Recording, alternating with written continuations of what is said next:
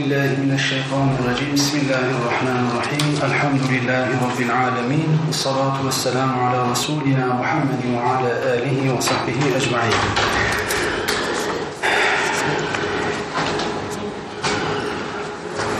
Kıymetli misafirlerimiz, kısa adı İLEM olan İlmi Etütler Derneği'nin düzenlediği İkinci İslamcı Dergiler Sempozyumu 1960 öncesinde İslamcılık Düşüncesi ve Dergiler e, Sempozyumu'nun e, ikinci oturumuna hoş geldiniz. Bu oturumda biz ağırlıklı olarak değil tamamen İslamcı dergiler içerisinde çok önemli yeri olan Sırat-ı Müstakim Sebil-ü Reşat dergisi üzerinde duracağız. Bu oturumun dışında da yine bir oturumda programa baktığım zaman ağırlıklı olarak bu dergi üzerinde durulduğunu görüyorum. Ve bu oturum dışında toplamda 10 tebliğin doğrudan bu dergiye tahsis edildiğini görüyoruz. Tabi bu bir tesadüf değil. E, çünkü Sırat-ı Müstakim Sebil Reşat dergisinin e, özellikle 1960 öncesi İslamcılık açısından baktığı, bakıldığı zaman biliyorsunuz çok ayrı bir yeri vardır hani moda tabirle söylemek gerekirse İslamcılığın amiral gemisi diyebiliriz. Bu mecmua için, bu dergi için. Veyahut da daha ilmi, akademik bir ifade kullanmamız gerekirse ana akım İslamcılığın temsil kabiliyeti en yüksek dergisi olduğunu söyleyebiliriz. Özellikle yazar kadrosunun güçlülüğü, muhtevasının zenginliği, entelektüel birikimi, bağlantıları ve etkileri açısından düşündüğümüz zaman Sırat-ı Müstakim Sebil-ü Reşat dergisini bir yana, diğer bütün İslamcı dergileri bir yana desek, koyabiliriz desek, öyle zannediyorum ki mübalağa edilmiş olmaz. Şimdi bu derginin tabii pek çok hususiyeti var. Bu oturumda çeşitli arkadaşlarımız farklı açılardan bu dergiyi, farklı dönemlerini tahlil edecekler. Ee, bir kere dönem açısından biliyorsunuz 1908'de başlıyor serüveni yolculuğu bu mecmuanın. 1912'de Sebil-ü Reşat diye bir isim değişikliğine gidiyor. İşte 1925'e kadar Arap harfli olarak işte arada bazı kesintiler var. Onun dışında yayınına devam ediyor. 17 yıllık bir dönem söz konusu. Daha sonra işte derginin sahibi olan Sebil-ü Reşat e, Eşref Edip Perven tarafından 1948'de tekrar çıkarılmaya başlıyor ve 1966'ya kadar bir 18 yıllık e, dönemi daha var. Yani toplam 35 yıllık bir yayın hayatı var. Yani bu bizim dergicilik tarihimizde tabii çok sık görülen bir durum değil. Bunda tabii özellikle Eşref Edip'in istikrarı, çalışma disiplini, artı bu dergi etrafında kümelenen o insanların e, entelektüel açıdan zenginliği ve bağlantıları gibi birçok hususlar var. Bir kere bu dergiyi diğer bütün İslamcı dergilerden ayıran birkaç hususiyet var. Nedir? E, benim görebildiğim kadarıyla e, dediğimiz gibi muhtevasının zenginliği. Yani burada İslam e, düşüncesinin ve İslam ilimlerinin modern dönemdeki belli başlı hemen hemen bütün problemleri tartışma konusu ediliyor. O zamanki özellikle ilk çıktığı dönem açısından düşünürseniz 1908 ve sonrası hem Osmanlı coğrafyasının genişliğine hem de hilafet merkezi olarak İstanbul'un uluslararası e, iddialarına paralel olarak uluslararası niteliği haiz bir dergi. Yani mahalli, yerel bir dergi değil. Yani bu dergi Saraybosna'dan Yemen'e, Sanay'a, efendim işte Kırım Bahçesaray'dan e, Rusya'daki Kazan'a, diğer taraftan Hindistan'a, Çin'e, Japonya'ya varıncaya kadar bütün İslam dünyasında ilgiyle takip ediliyor. Oralar hakkında, oradaki Müslümanların problemleri hakkında sürekli yazılar çıkıyor. Artı oradan sürekli mektuplar alıyor. Yani hilafet merkezinde yayınlanan bir dergi olması hasebiyle dünya Müslümanları orada yaşadıkları siyasi, sosyal sorunları sürekli olarak e, bir takım mektuplarla İslam dünyasının merkezi olarak görünen o dönemde İstanbul'a aktarıp onlar için çözüm talep ediyorlar. Dolayısıyla yani bu özelliklere sahip ikinci bir dergi bulmamız gerçekten zor. Fakat bu dergi tabi hep aynı özellikte değil. Yani dönem dönem farklı özelliklere sahip. Hem e, fikriyatı itibariyle hem etkisi itibariyle, refleksleri itibariyle muhtemelen belki e, konuşmacılarımız onlara değinecektir. Benim amacım böyle korsan bir tebliğ vermek değil. E, vakti de iyi kullanmak adına e, hemen ben e, konuşmacılarımıza geçmek istiyorum. Ve programdaki sıralamayı esas alarak e, ilk konuşma için sözü e, Adem Efe hocamıza vermek istiyorum. E, kendisi ilk İslamcı dergilerden Sırat-ı Müstakim ve Sebilü Reşat özelinde İslam Birliği idealini e, sunacaklar. E, sempozyum tertip heyeti her konuşma için 15 dakika vermiş durumda. Kalan e, 20-25 dakikalık süreyi de soru cevap şeklinde kullanmayı e, ümit ediyoruz. Onun için konuşmacılarımızdan e, zamana riayet etmelerini e, hasreten rica ediyorum. Adem hocamız buyurunuz. Teşekkür ederim hocam. Ee, salon küçük olduğu için ben biraz da derslerden gelen alışkanlık galiba ayakta konuşmayı daha çok becerebiliyorum, başarabiliyorum. Onun için burada da böyle bir şey yeğledim. Kusura bakmayın. Oturarak da daha iyi olurdu belki ama ben biraz daha böyle alışmışım. Şimdi Suat Bey ile bizim ortak yanımız da var. Sevil Reşet dergisi, o tefsir açısından bakmıştı. Yıllar önce yüksek lisansıydı galiba. Doktora tezi. doktora mıydı? Ben de doktorada İslamcılarla modernleşmeye çalıştığım için ilk İslamcı dergi olması hasebiyle de Sırat-ı Müstakim Sebil Reşet dergisindeki İslamcıların, radyo İslamcıları onların modernleşme görüşlerine çalışmıştım. Bu minvalde de yine Suat Hocam epeyce de bahsetti. Bu dönemin ilk, bence ilk ve en önemli dergilerinden birisi Sırat-ı Müstakim Sebil Reşat dergisi. İkisi aynı dergi ama isim değişikliğine gidiyor. Bu dönemde derginin epeyce şeyi var. Tanınmışlığı, işte Türkiye'deki, Osmanlı'daki, diğer ülkelerdeki vatandaşları toplayışı. Yani hem İslam dünyasının hem Türk dünyasının bir şey buluşma yeri dergi. Yine bu derginin çıktığı dönem arkadaşlar ikinci meşrutiyet dönemi.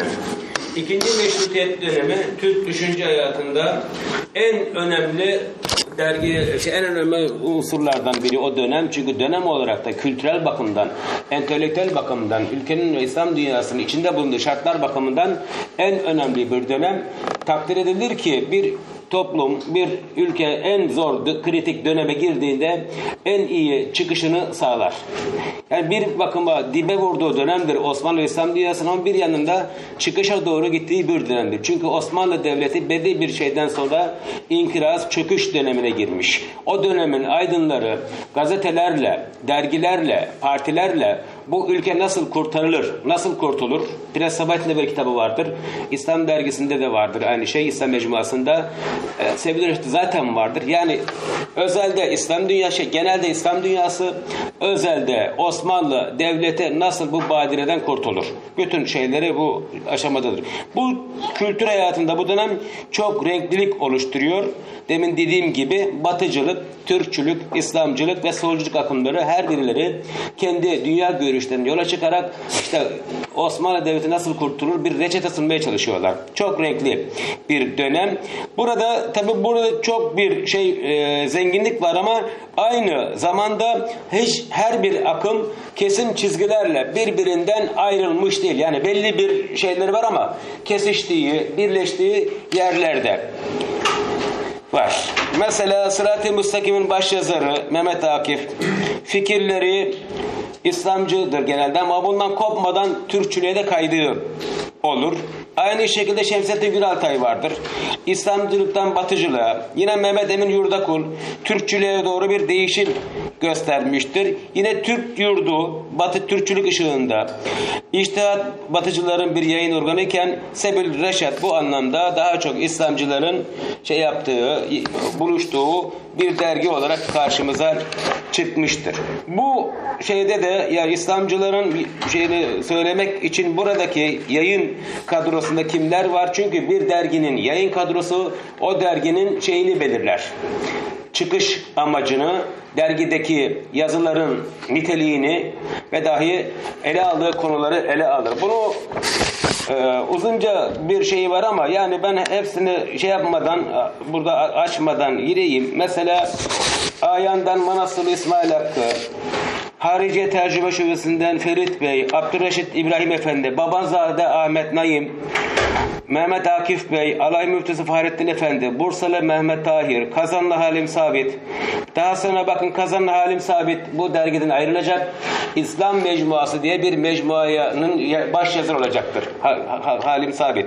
Aksakeli Ahmet Hamdi gibi, Hocazade gibi, Halil Halit Bey gibi, Ahmet Agayev, Ariza Seyfi Bey gibi epeyce birçok Türkçü var işlerinde, modernist var, İslamcı dediğimiz tabirlerde o yer alan o şeyler var, yazarlar var. Yani derginin ilk çıktığı dönemde 1908 yılındaki çıktığı ilk sayılarında bu kadar çeşitli yazar kadrosu var. Yani bunlar işte demin dediğim gibi İslamcı da var, Türkçü de var, modernist de var. Yani birçok akımdan hatta Kazan'dan var, işte Abdul gibi Mısırlı olan var, Abdülaziz Çaviş var, yani Ferit Vecdi gibi, Ömer Rıza gibi, Tevfik Yahya Hafif gibi birçok yazar burada yer almış. Bu dönemdeki bu şeye baktığımızda da derginin şeyinde içinde birçok konular da var. İlmi, fenni konular işte tefsiri şerif diye başlar. Hadis-i şerif, içtimaiyat. Mesela ben bunu bir başka yerde el almıştım. Sevgili Reşat dergisinde ve, ve de İslam Mecmuası'nda içtimaiyat başlığı altında alınan yazıların içerik analizi yaptım. Çok güzel şeyler ortaya çıktı. Bugün bile bir kısmı ele alınmamış konular o dönemde ele alınmış. Yani bir nevi sosyoloji dergisi sevgili Reşat. İslam Mecmuası da hakeza öyledir. E, bunlar e, başka felsefe var, fıkıh ve feteva, edebiyat, tarih, talim, terbiye, hutbe ve maiz, makalat. İkinci kısmı siyasiyat, Hayat-ı Akvam İslamiye, bu da bakın Hayat-ı Akvam İslamiye, İslam kavimlerinin hayatı hakkında o günkü sosyolojik, kültürel, işte Java'dan haberler var. Dünyanın ta öbür ucundan yani birçok yerden mektuplar geliyor. Burada yayınlanıyor. Bunlar ele alınıp burada işte Java Müslümanları ne halde? Ondan sonra şeydeki Amerika'daki Müslümanlar ne halde? Rusya Müslümanların durumları nedir? Sorunları, sıkıntıları, problemleri, oradaki ele alınan konular dikkat şey güzel bir şekilde ele alınıp bir şey yapılabiliyor. Mesela tenkit ve takriz var. Burada birçok eleştiri yapılabiliyor. O anlamda. İkinci bir önemli bana göre İslam ticaretgahları. Yani orada nerelerde ticaret yapılıyor? Ya ki firmalar neler? Belki reklam almıyor ilk dönem ama ikinci dönemde hafif reklam aldığı yerler de var. Yani, ama ticaretgahlar deyince benim dikkatimi çekti. Yani böyle bir dönem. Düşünsel dergide aynı zamanda iktisadi, ekonomik faaliyetler de yer alabiliyor. Çünkü o dönemde birçok sadece kültürel değil ki olaylar. Siyasi, see us see it. Ekonomik, kültürel birçok şey bu dergide ele alındığından yani o dönemin bence en entelektüel dergilerinden biri addedilebilir. Bu haliyle zaten o dönemde de ilk dönem 1925 yılında kapatılıncaya kadar o yılların en önemli dergilerinden biri olarak kabul etmek, şey edilmektedir. Burada iki hocam da, Suat hocam da, Vahdettin hocam da bu dergileri incelediler. Ben ilk dönem Sebil, Sırat-ı Müstakim ve Sebil Öşet dergilerinde kolay kolay bir imla hatasına rastlamadım. Ama yeni harflerle, Latin harfleriyle olan 48'den itibaren olan şeylerde, baskılarda hatadan geçilmiyor desek abartma yapmış sayılmayız. Yani çok daha şeyken bir e, özen varken ilk dönemde tabi bu özen aynı zamanda bir dikkati, bir rikkati, bir özeni, bir düzeninin şeyi sonucu. Ama ikinci dönemde biraz daha bakıyoruz sanki özensizlik mi var ama muhtemelen matbaa hataları işte o günkü teknik şeyler. Halbuki daha da iyi olması lazım. Ülke 20 şey 18'li 12'li yıllardan 50'li yıllara gelmiş. Menderes az sonra gelecek.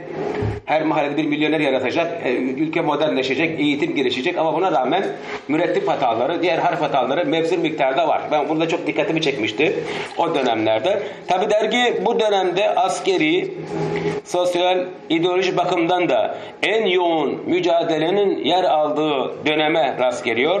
Çünkü 1912 yılından sonra uluslaşma, milletleşme döneminin başladığı dönemler ardarda arda gelen Trablusgarp savaşları, Balkan savaşları, Osmanlı Devleti'nin inkıraza çöküntüye uğradığı yıllar e, rast geliyor. Yine bu yıllar Orta dediği gibi imparatorluğun en uzun yüzyılı. Yani sıkıntılı bir dönem. Tabi bundan dolayı da dergi aynı zamanda sadece Osmanlı Devleti'nin değil, dünya çapındaki tüm Müslümanların genel durumlarıyla ilgilenmeyi kendine görev addediyor. Ondan dolayı da özellikle Osmanlı memleketindeki bütün Müslümanların birliği üzerine durmaya çalışıyor. İşte bu bakımdan da ben e, bildirinin başlığını e, Sebil Reşat Sırat-ı Müstakim dergisi özelinde İslam Birliği ideali koymuştum. Tabi bu ideal oldu olmadı olamadı birçok şeyler karşımıza geliyor ama bu ideal bizim dururken daha çok müsavat, uhuvvet, kavmiyet bunlar tabi Fransız ihtilalinde bize e, ithal edilen kavramlar. Onun üzerinde birçok makale alınıyor. Burada yerine getiriliyor. getiriliyor. Burada işte İslam ve medeniyet gibi Abdülaziz Aziz Çavuş'tan tercüme edilen şeyler Akif'in çevirdiği işte iddiaçı e, destekleyen diğer yeri var geliyor daha sonra başka bir hale giriyor e, çeviriyor derken bu dönemde epeyce bir e, şey sergiliyor iddiadı İslamcılık üzerine. Tabi dergide ben bu şeyi incelerken özellikle şeyi inceledim. Derginin yalnızca tabi bu bir ölçü değil ama şey taşıyan İttihadı İslam başlığı taşıyan makaleleri indirmeye çalıştım, tespit ettim. Bunları aldım, indirdim de, şeyini e, öbür türlü İttihad-ı İslam'ın geçtiği makale şey de, derlemiş olsak çok sayıda makale çıkar. Ama ben sadece başlıklar üzerinden özellikle yani bunu bilerek yaptım. Öbür türlü çok daha çıkardı ama başlıklarda neler altında neler var bunu incelemeye çalıştım. Burada sadece İttihad-ı İslam gibi şeyleri taşıyan 27 adet makale var. Sırat-ı Mustakim ve Sebil Reşat'ta. Makale, mektup bazı dergiye gelen yazılar. Sırat-ı Mustakim'de panislamizm başlığı taşıyan bir adet makale var.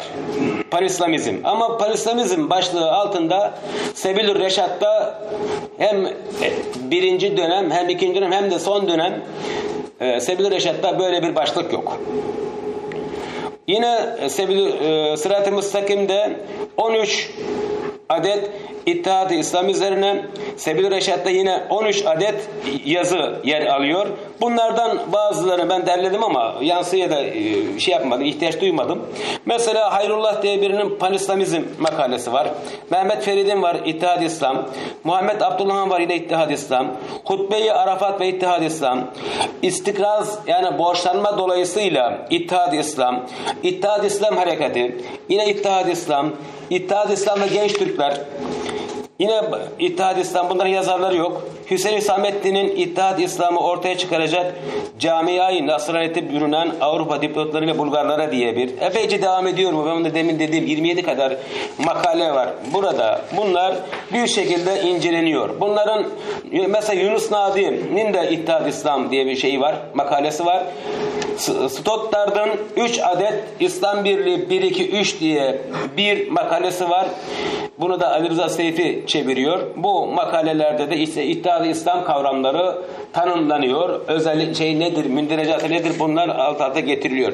Tabi burada İttihad İslam, İslamizm, Panislamizm, İslamlaşma gibi kavramlar sabah birinci oturumda epey tartışıldı. İslamcılık, işte Panislamizm belki de yapılmadı ama İslamlaşma, İslamcılık daha çok e, İslamcılık tabiri üzerine duruldu. Bu dergide benim görebildiğim kadarıyla İslamcılık, İslamizm, panizm, panislamizm kavramları daha çok Avrupalı diplomatlar tarafından Türk Türk kültürüne ya da o anki dergiye kazandırıldığı iddiası var. Yani dışarıdan bir okumayla bunlar Türk literatürü kazandırıldığı iddiaları var. Yani Türk dışarıdan okuma, adlandırmalar genellikle bir adlandırma, grup olsun, kavram olsun, bir daha çok gruplar ya da grup şeyler diyelim, hizipler diyelim ya da gruplar diyelim. Bunların bir içeriden adlandırma, bir de dışarıdan adlandırma diye bir şey vardır genellikle. İçeriden adlandırma biz şunlar derken dışarıdan da şunlar diye adlandırılır. Bugün bu dini gruplarda yaygındır. Bu o dönemde de İslamcılık, Parislamizm gibi kavramların da Hüseyin Hüsamettin bu kavramın Avrupalı diplomatlar tarafıyla tarafından Türkiye Türkçe'ye kazandırıldığı gibi şeyler söylüyor. Yine Batılıların ortaya attığı konusunda epeyce şeyler var. İşte e, kimileri burada diyor farklı şeyler yapmalıyız. İşte yine Parislamizm kavramı şey o makalede bunun İslam Birliği anlamına geldiği, bunun ilk kurucusunun Afgani olduğu, daha sonra Abdullah bunun devam ettiği, Abdullah'ın vefatından sonra öğrencilere bazı şeyler tavsiye ettiğini şöyle söyleniyor. Mesela bunlardan biri Müslümanları bir araya getirecek bir kongrenin tertip edilmesi matbuat yani basın yayın organlarıyla bunun desteklenmesi. Üçüncüsü eğitim ve öğretim kanalıyla İslam dünyasını uyandırmak, aydınlatmak gibi İslamcılık, Palislamizmin üç şeyi olduğunu iddia ediyor. Söylüyorlar bunlar. Ama bunlardan bir kısmı işte sabah da söylendi. İslamcı tabiri, Türkçü tabiri yani sonuna cı, cu eki getirilmesinden hiç haz etmiyorlar. Bunlardan birisi Babanzade Ahmet Naim'dir. Bu İslam'da davayı kavmiyet önce makale olarak yayınlar. Bunu daha sonra kitap olarak basılır. Burada cı, cu ekinin Türk ile İslam kelimelerine iltihafi ne kadar fena oluyor. Ben burada bir masan bir manayı tasannu istişmam etmem diyerek bundan haz etmediğini zira e, buranın olmadığını, işte İslamcılık tabirinin Müslüman demek olmadığını söylüyor. Burada tabi daha sonra şey geliyor, Said Halim Paşa'nın makaleleri bu anlamda bizim için aydınlatıcıdır. O da İslamlaşmak olarak 3-4 e, seri halinde yayınladığı şeyde de bu da İslamlaşmak tabirini kullanıyor. Yani İslamcı tabirini o da sevmiyor. Ona göre İslamlaşmak tabiri İslam'ın kendine has bir inanç anlayışını, o inancın yönlendirdiği ahlak anlayışını, inanç ve inancın tezahürü olan ahlakın bir e, aksedişinin ifadesinin içtimai yapısını ve muhtevasını, toplumsal hayatın gerekli kıldığı, içtimai hayatın teşhirinde diyebileceğimiz şekilde siyasi yapısını, tavrını mutlak manada kabul etmek, zamanın ve ortamın değişmesiyle bu unsurları yorumlayarak muhtevanı genişletmek olarak böyle bir kavram ortaya atmış oluyor. Tabi bunu daha e, ayrıntılı bir şekilde anlatmak mümkündür elbette ama yani e, ben çok da ayrıntıya girmeyeyim burada. Buradaki bazı efendim toparlayalım. Bazı e, tabirler var. Mesela bir bana ilginç gelen bir şey geldi. Burada o şeylerden baktım ben makaleleri okurken. Mesela İran'dan bir iki yazar o dönemde Osmanlı'da ortaya çıkan İttihat-ı İslam anlayışına karşı çıkıyor. Yani diyor ki Müslümanları bir araya getirecek olan sadece Osmanlı Devleti değildir. Ondan e, pek bu şeye yanaşmıyorlar. Bu Osmanlı'ya burada katılmadıklarını söylüyorlar. Osmanlı aydınların ortaya attığı bazı görüşleri. Bunun yerine bir, biraz daha muhtemelen herhalde İran'ın da içine dahil edildiği farklı bir anlayışla beraber bunun genelleştirmemiz gerektiğini söylüyorlar. Burada tabii birçok dergide bununla alakalı şey e, İttihad-ı İslam'la alakalı birçok yazılar var demiştim. Bu adı bunlar olmaması olmasa bile Kur'an-ı Kerim'den alınan ayet hepimizin bildiği İnnemel müminun ihvetun ayeti. Ondan sonra e, bir Müslümanın en büyük derdi anası babası kan kardeşi değil, din kardeşliği, İslam ümmeti olmalıdır gibi şeyler. Daha çok bunu e, Ahmet Naim söylüyor kitabında. Bunlardan çıkarak bu İttihat İslam konusunda epey çalışmaların yapılması gerektiği konusunda çok sayıda şeyler var. Bunlardan bir kısmı yine İttihat İslam nasıl olabilir, nasıl gerçekleşilir derken mesela bütün Müslüman memleketlerde İslam üniversiteleri kurmak. Bu daha sonraki dönemde denendi. Türkiye hariç 3 ülkede bugün Uluslararası İslam Üniversitesi vardır. Biri Malezya'da benim de gittiğim. Sudan'da bir tane var. Bir yerde daha var. Endonez ha, Uganda'da, Türkiye'de olacaktı. Şimdi bir çalışma var diyorum. Ben bilmiyorum son durum ne halde. Pakistan'da. Pakistan'da evet Pakistan'da var. Kur'an dili olan Arapçayı burada eğitim dilleri kabul etmek teklifi var. Bir de İslam ülkelerinin her tarafında kongreler düzenleyerek orada muktedir İslam alimlerini toplayarak dini, içtimai, kültürel, tarihi kitaplar yazdırmak. Yani bu üç amaç bunu söyleniyor. Bununla diyor İttihad-ı İslam gerçekleşebilir. Bunun süremde dolmak üzere da epeyce çalışmalar yapılıyor. İşte Abdülhamit başlattı diyen var. Tartışma ondan önce başlatıldı diyenler de var. Biz ona çok girmeyelim ama bu konuda teklif edilen 2-3 madde var. Ben onları e, özetledim. O isimlerini sayayım. Ondan sonra süremi de aşmadan geçmiş olayım. İslam camiası tabiri var. Uluslararası İslam Kongresi konferansı düşüncesi teklif ediliyor. Cemiyet İslamiye Umumiye adı altında işte cemiyetler hareketi. Mesela bu cemiyet ilginçtir. İngiltere, Almanya ve Paris'te örgütlenmiş. Yani Avrupa'da çıkan bir hareketlere benziyor. Abdülahad Davud'un şey yaptığı, ön elçikliği makalesinin başlığı Parislamizm Cemiyet Umumi İslamiye şeklinde atılmış olması bu şekilde bu tür şeyler yapılıyor. Yani burada bu cemiyetin de amacı sırf İslam aleminin maddi, manevi menfaatlerine hizmet etmek bir diğer amacı da e,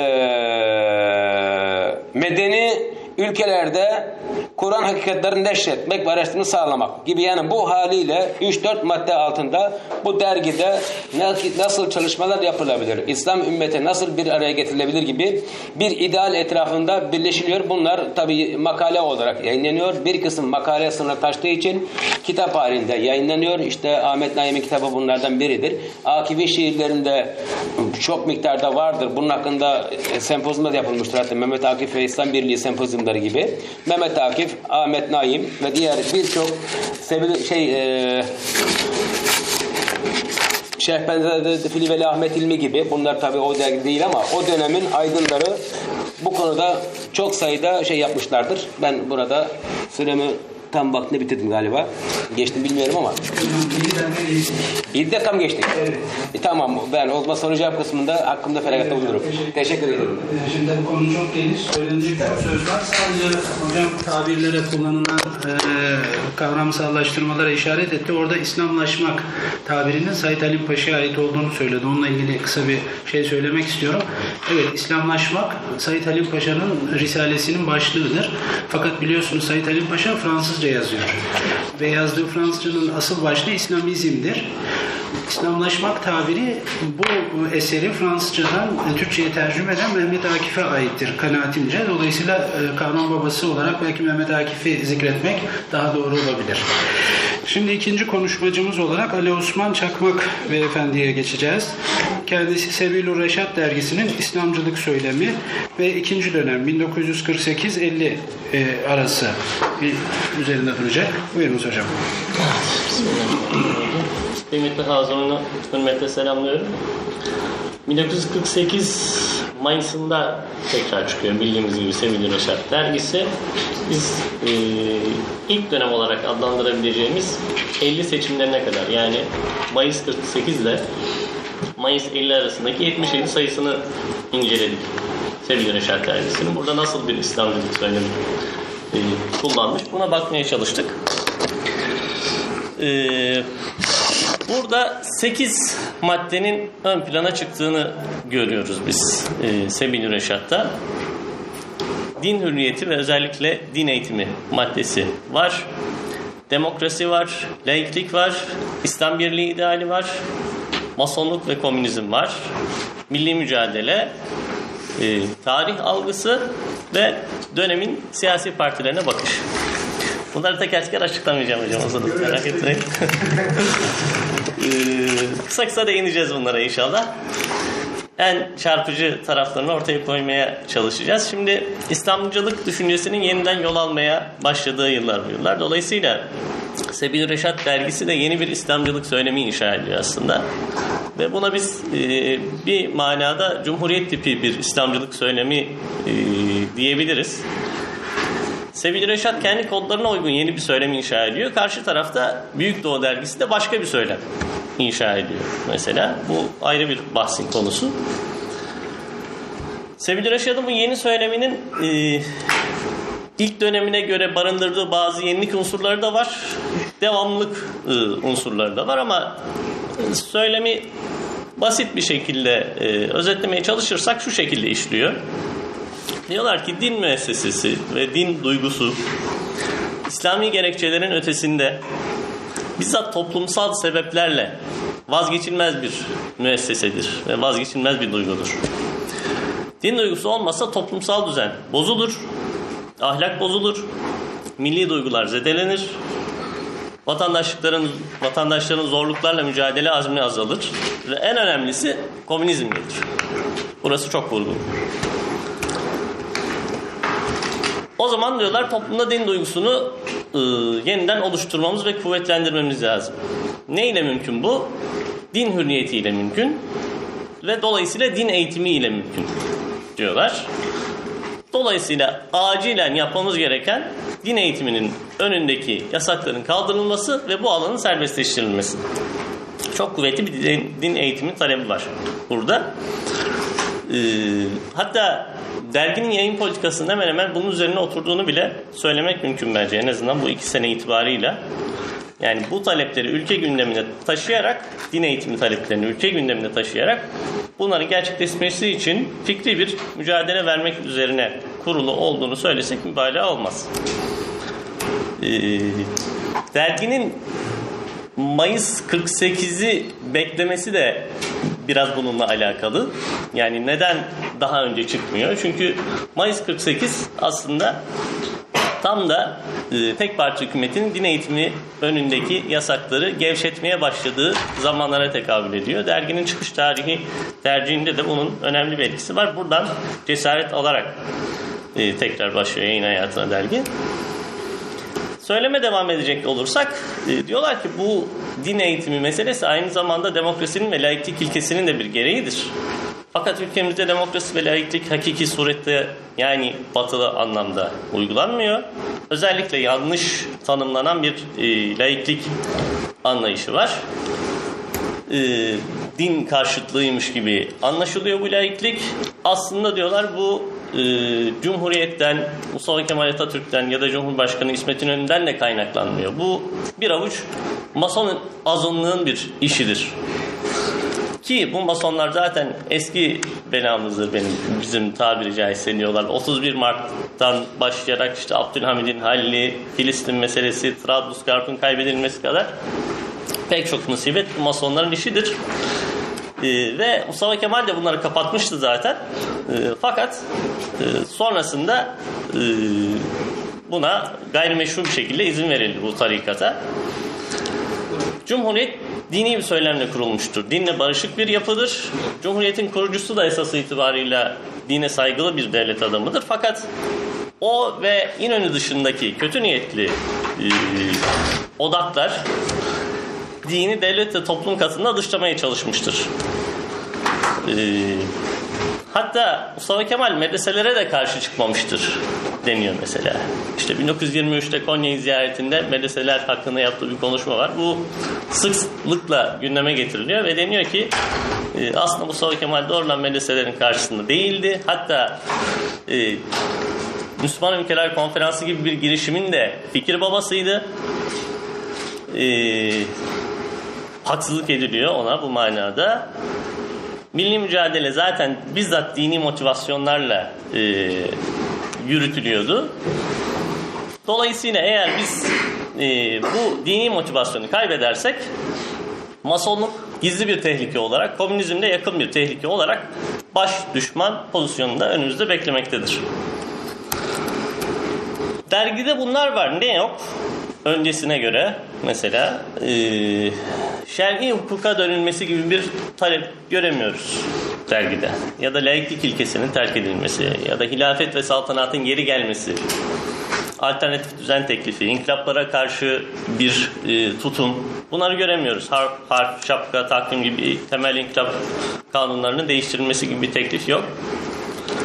E, din eğitimi vurgulu ama din eğitiminin de özel veya sivil bir yapıdan çok devletin inhisarında bir faaliyet olarak yürütülmesi arzulanıyor. Ve dolayısıyla medreselerin tekrar açılmasına dair bir e, talep de yok. E, Bu anlamda diyebiliriz ki aslında dergi birinci dönemdeki e, pozitif hukuk, siyasal alan ve toplumsal düzene dair tırnak içerisinde İslamcı taleplerinden e, bir miktar vazgeçmiş. En azından dillendirmemeyi tercih etmiş görünüyor. Burada e, demokrasi ve laiklik taraftarlığı göze çarpan hususlardan bir tanesi hakiki demokrasi, hakiki laiklik vurguları var ve bunun belki de bu hakiki demokrasinin siyaset bilimindeki liberal demokrasiye karşılık geldiğini ifade etmek lazım. Ee, bu bir anlamda ilk dönemdeki aslında meşrutiyet savunucusu tavrın bir devamı olarak algılanabilir. Biraz daha terfi ediyor yani meşrutiyet taraftarlığı demokrasi taraftarlığına terfi ediyor e, diyebiliriz. İlk dönemde işte anayasal meşruti sistem İslami bir sistem olarak anılıp ayetlerle ve hadislerle desteklenirken bu dönemde artık bu kadar İslami gerekçeye ihtiyaç duymadan yapılan bir savunma var.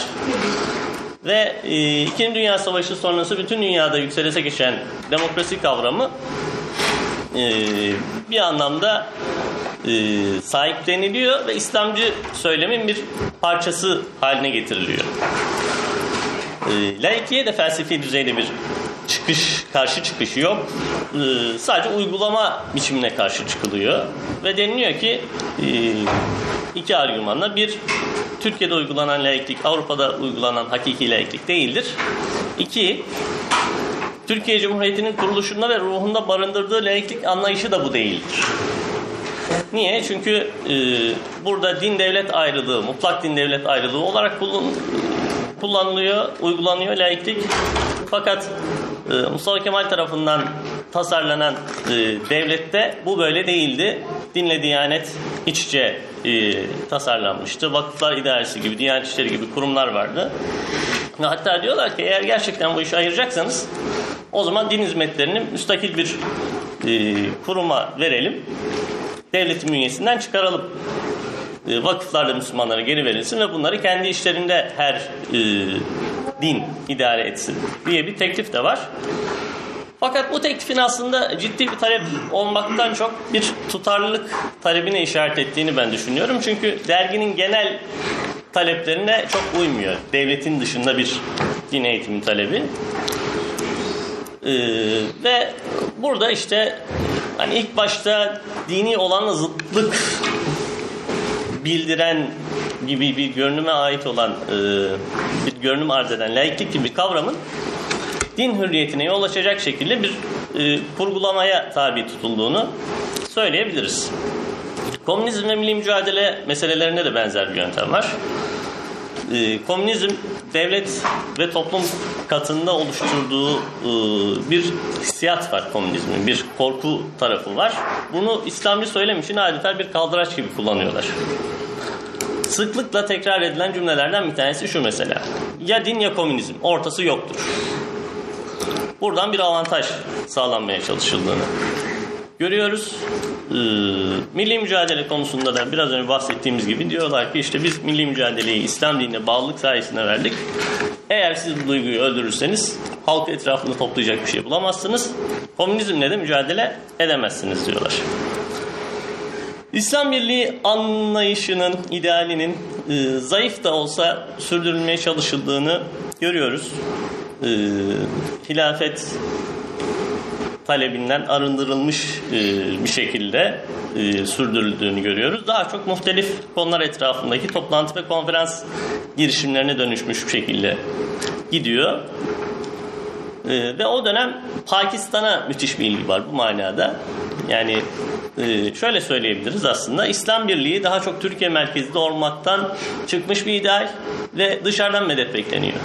Bu konuda da Pakistan Müslüman bir devlet iddiasıyla kurulduğu için, bu böyle bir hüviyette kurulduğu için bu özlemler bir manada Pakistan üzerinden ifade edilmeye e, başlanmış diyebiliriz. Tarih algısında ciddi bir değişiklik var. Meşrutiyet savunucu bir savunucusu biliyoruz e, sevgili Reşat ilk dönemde fakat ikinci dönemde bu kısmen değişiyor. Meşrutiyet eleştirilmeye başlıyor. Abdülhamit algısı tamamen değişiyor. Abdülhamid'i yeremle suçlayan bakış terk ediliyor e, ve övülmeye başlanan bir figür haline geliyor artık. Burada Necip Fazıl'ın tabii 1943'ten itibaren yaptığı bu e, Abdülhamit yanlısı yayınların da belki bir miktar e, etkisi olabilir. Fakat e, konjonktür itibariyle işte masonluk ve siyonizm karşıtı, zamanın ötesine geçen, dindar aynı zamanda modern, kudretli bir devlet adamı figürü o zaman için gayet e, Sebil Reşad'ın söyleminin istifade edebileceği bir figür olarak görünüyor.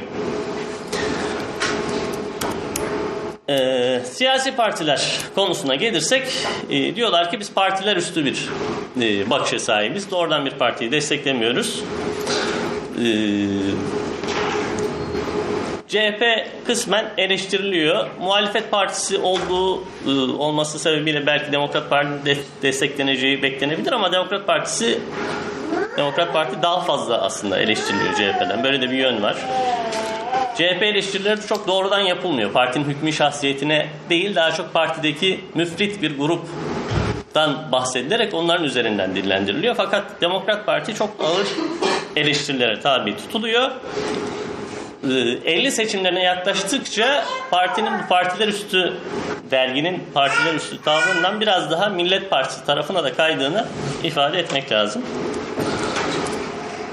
Özetle e, derginin yayın politikasının ve söyleminin temkinli ve uzlaşmacı bir eksene oturduğunu ifade etmek mümkün. E, rejimle ortak bir dil inşa etme arayışı var. E, ve bir mesaj var aslında rejime burada verilmeye çalışılan. Biz Cumhuriyet'in temel ittihaz ettiği değerleri kabul ettik ve muhalefetimizi bu sınırlar içerisinde yürüteceğiz. Yukarıda işaret ettiğimiz gibi bu tavır e, Büyük Doğu'nun e, ortaya koyduğu tavrın tam tersi bir e, tavır olarak söylemek lazım.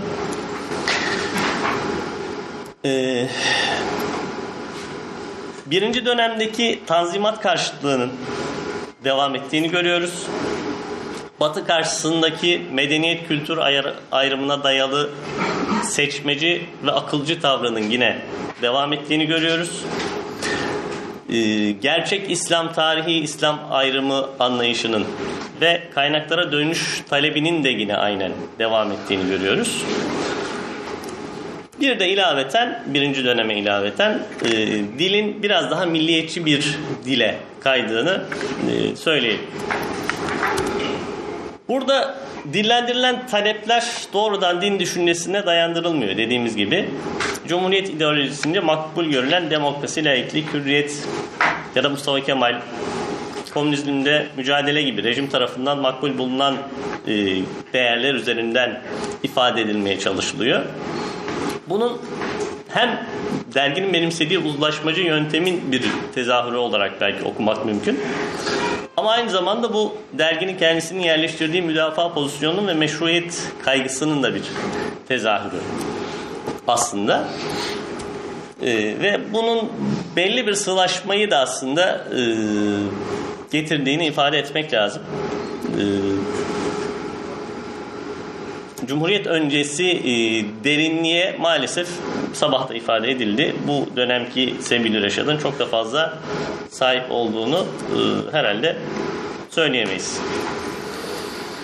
Sebil Reşad'ın bir diğer önemi bence buradaki iki yıllık e, dönemden çıkarılabileceğimiz bir şey. E, Türkiye'deki İslamcılığın genel e, mücadele ya da fiili mücadeleye prim vermeyen tavrında bir örneği olması. Niye? Çünkü fiili mücadele zaten yok ama rejimle fikri mücadele dahi rejimin ancak e, gevşetmeleri sayesinde başlıyor. E, dolayısıyla burada İsmail Hoca'nın bir e, tespiti vardı İsmail Kara'nın. Türkiye'deki İslamcıların 60'a kadar tutumu işte kapılar kapalıyken buna tahammül edip sabretmek, kapıları zorlamamak. Devlet kapıyı araladığında ise bundan en üst düzeyde ifade etmek. Sebil Reşat bunun tam bir e, örneği gibi geliyor bana. Bunu doğrulayan bir tavra sahip. E, son olarak şunu ifade edelim. Sebil Reşat bu yıllarda ortaya koyduğu İslamcılık söyleminin pek çok unsurunun özellikle 90'lı yıllarda İslamcı partiler tarafından dillendirildiğini görmek mümkün. İslamcı çevreler tarafından dillendirildiğini görmek mümkün. İşte din ihtiyacının toplumsal gerekçelerle açıklanması, batı tipi demokrasi, laiklik arzusu, din temelli taleplerin Mustafa Kemal'in demeçleri ve icraatları üzerinden meşrulaştırılmaya çalışılması. İşte devrimlerle ilgili yumuşak ve uzlaşmacı söylemler İslami çevrelerde ciddi anlamda rağbet buluyor ve hatta 28 Şubat gibi baskı dönemlerinde hakim söylem haline geldiğini bile ifade edebiliriz. Buradan da hareket ettiğimizde Sebil Reşad'ın Türkiye'de Cumhuriyet sonrası dönemde inşa edilen İslamcı söylemin pek çok temel parametresini belirlediğini iddia etmemiz mümkün. Hatta bu söylemin bir kısmının kuruculuğunu ve öncülüğünü e, yaptığını iddia etmek mümkün. E, ve bu damarın hala e, güçlenerek belki e, devam ettiğini de söyleyebiliriz son olarak. Teşekkür ediyorum beni dinlediğiniz için. Ben teşekkür ediyorum Ali Osman Bey'e özellikle vakti de güzel değerlendirdiği için. Şimdi tabii 23 yıl aradan sonra çıkan dönemi ele aldığı için e, sunumda da görüldüğü üzere köprünün altından çok sular aktığı için siyasi e, konjonktür çok değiştiği için Türkiye'de bu ister istemez söyleme de yansıyor. Hani devam eden bir takım unsurlar olmakla beraber e, değişen unsurlar çok dikkat çekici. Zaten bu dönemle ilgili hatırlarsanız özellikle Sezai Karakoç'un bir değerlendirmesi var. Yani biraz nostaljik e, bir e, şey dönem gibi veyahut da yaklaşım gibi görüyor. Artık yeni dönemle ilgili böyle fazla kendisini yenileyememiş, yeni iddiaları olmaktan ziyade biraz hani geçmişin e, hatırasını yad etmeye çalışan bir ekip gibi görüyor. Zaten ekip olarak da oldukça zayıflıyor. Arada vefat edenler ayrılıyor. Malum başta Mehmet Akif olmak üzere İzmirli İsmail Hakkı gibi isimler ayrılıyor. Bunların yanında sadece Raif Ogan ismi çok önemli bu dönemde. Ee, İzmirli İsmail Hakkı'nın talebesi o da. Ee, o çok etkin bu dönemde. Ben sadece bir hususa işaret etmek istiyorum. Ali Osman Bey söyledi. Ee, yani özellikle hilafetin ortadan kalkmasından sonra İslam dünyasındaki İslam birliği ideali veya da Müslümanların birliği yönündeki faaliyetler daha ziyade Pakistan'a kaydı diye. Çünkü 1947'de Hindistan'dan ayrılıp Müslümanlar tarafından kurulan bir İslam devleti olduğu için yani bu anlaşılabilir bir şey. Ama onunla ilgili şöyle bir hususu ben hatırlatmakta yarar görüyorum. Ahmet Hamdi Akseki biliyorsunuz bu ikinci dönemde de Sebilür Reşad'ın en önemli yazarlarından bir tanesi. 1951'in e, Ekim ayında galiba vefat ediyor. Vefatından kısa bir süre önce Pakistan'dan çok yoğun gidiş gelişler oluyor. Ve o yılın sonunda 1951 yılının sonunda Karachi'de düzenlenmesi planlanan Dünya İslam Kongresi için Ahmet Hamdi Akseki başkan seçiliyor. Yani bu bence çok önemli bir bilgi. Yani İslam dünyasının Türkiye'den ümidini hala kaybetmediğini veya bir takım beklentileri olduğunu gösteren e, bir e, husus diye düşünüyorum. Belki bu hususu daha sonra açabiliriz. E, şimdi üçüncü konuşmacımız e, olarak Mehmet Birekul beyefendiye söz veriyoruz. Bir dönemin hafızası Sırat-ı Müstakim Sebilü Reşat dergileri ve İslamcılık düşüncesi üzerine bibliografik bir inceleme. Buyurunuz Mehmet Bey. Teşekkür ederim hocam. Alayım mı? Evet. Evet, öncelikle herkese saygılar sunuyorum. Ee, benim tebliğim aslında e, sabahki oturumun e, bir tartışmasından hareket e, edebilir. Bugün çok duyduğumuz bazı kavramlar var. Bunlar hafıza kavramı, e, nostalji kavramı.